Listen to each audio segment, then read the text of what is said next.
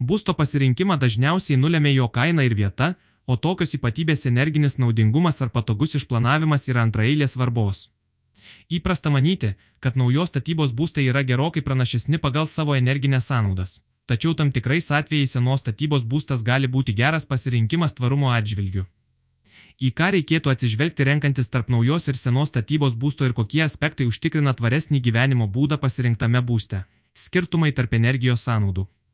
Pagrindinis skirtumas tarp naujos ir senos statybos būtų techninių ypatybių yra jų energinis naudingumas, tai yra kaip efektyviai pastatas panaudoja energiją.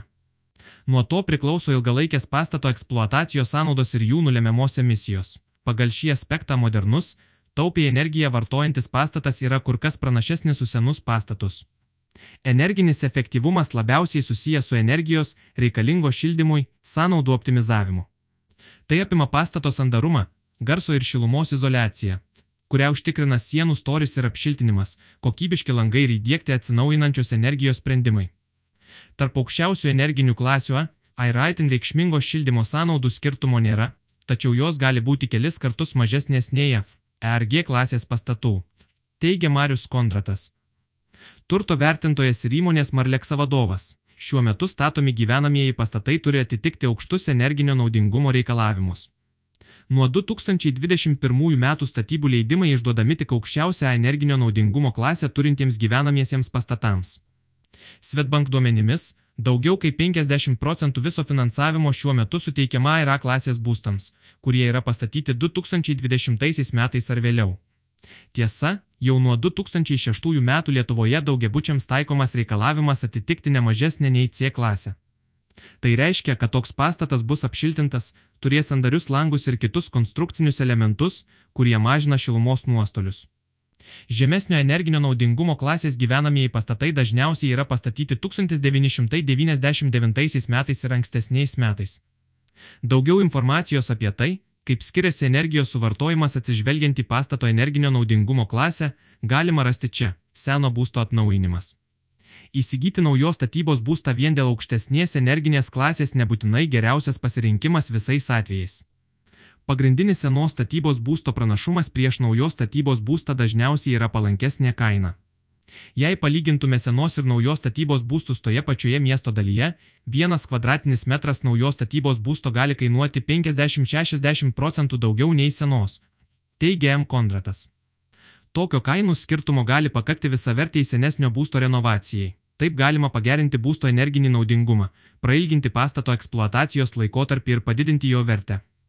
Be to, dalyvaujant daugiabučių renovacijos programuose, galima gauti ir dalinę valstybės paramą nekilnojamojo turto sektorius lemia apie 40 procentų pasaulinių anglies dvideginio emisijų. Tai viena priežasčių, kodėl naujai statomiems pastatams keliami vis aukštesni energinio naudingumo reikalavimai. Bet ir senesnius pastatus įmanoma atnaujinti taip, kad jie pagal energinio naudingumo ypatybės priartėtų prie šio laikinių pastatų standartų, sako Svetbank privačių klientų tarnybos vadovas Paveladzeto. Lietuvoje renovuotų daugiabučių pavyzdžiai rodo, kad po renovacijos namo energinis naudingumo koeficientas pagerėja vidutiniškai 64 procentai skaičiuojama, kad vieno daugiabučio renovacija dėl sumažėjusių eksploatacijos sąnaudų padeda sutaupyti apie 92 tonas CO2 emisijų per metus, kada aktualu rinktis naują būstą. Senos statybos būsto renovacija gali būti aktuali ir tada, kai tokiam būstui neišeina rasti naujo būsto alternatyvos. Pavyzdžiui, Norint gyventi vieno iš didžiųjų šalies miestų centre, naujo būsto pasirinkimas greičiausiai bus ribotas. Su panašia situacija gali tekti susidurti mažesniuose šalies miestuose ieškant individualaus namo gyventi, kur egzistuoja santykinai maža naujo būsto pasiūla. Tačiau yra aplinkybių, kai naujos statybos būstas yra geresnis pasirinkimas. Vienas iš tokių atvejų, kai sudėtinga renovuoti seną būstą dėl jo techninių ypatybių, išplanavimo, bendruomenės abejingumo ar paveldosaugos reikalavimų. Kitas atvejis, kai naujas būstas kur kas geriau atitinka šeimos poreikius. Pavyzdžiui, pastaruosius keliarius metus Lietuvoje nusekliai didėja individualių namų dalis tarp visų įsigijamų būstų, kuri šiuo metu sudaro apie 37 procentus.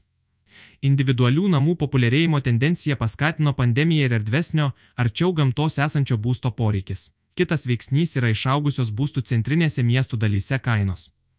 Pastebime, kad žmonės Vilniuje dažniau įsigyja individualius namus, kurių vieną kvadratinį metrą kaina yra apie du kartus mažesnė nei naujo būsto miegamajame rajone ar senos statybos būsto centre, sako Svetbank atstovas. Anot Pėladzeto, toks pasirinkimas gyventojams leidžia už tą pačią kainą, iš dalies atsisakius lokacijos suteikiamų pranašumų, įsigyti naują, maždaug dvigubai didesnio ploto būstą. Tokiu atveju reikėtų atsižvelgti į šalia būsto esančią infrastruktūrą ir susisiekimo galimybės. Kita vertus, šalia individualaus namo yra paprasčiau įsirengti elektromobilio įkrovimo stotelę, nuosavą saulės elektrinę ir taip prisidėti prie tvaresnių kasdienių pasirinkimų. Būsto dydis turėtų atitikti poreikius. Naujos statybos būstai dažniausiai turi dar vieną pranašumą - optimaliai išnaudojamą plotą. Kaip pastebėjom Kondratas, senesnės statybos būtuose dažnai yra tamsus koridoriai, santykinai mažesnis sanitarinis mazgas, maža ir nuo svetainės atskirta virtuvė. Jei palygintume senos ir naujos statybos trijų kambarių būtus, tai senos statybos daugiabutyje toks būtas užims apie 70 km2 ploto, o naujos statybos tam užteks 50-55 kvadratiniai metrai ploto. Nors naujos statybos būto plotas mažesnis, gyvenimo patogumas ir ergonomika jame bus toks pats ar didesnis, komentuoja M. Kondratas. Mažesnis plotas dažniausiai lems ir mažesnės eksploatacijos sąnaudas bei mažesnę bendrą būsto įtaką emisijoms.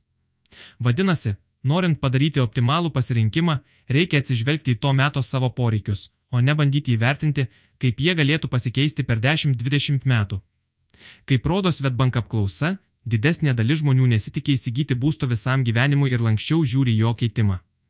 Būsto keitimo procesą gali palengvinti ir bankas, numatantis galimybę nereikalauti pradinio įnašo naujam būstui ar suteikiantis iki metų laiko pirmajam būstui parduoti.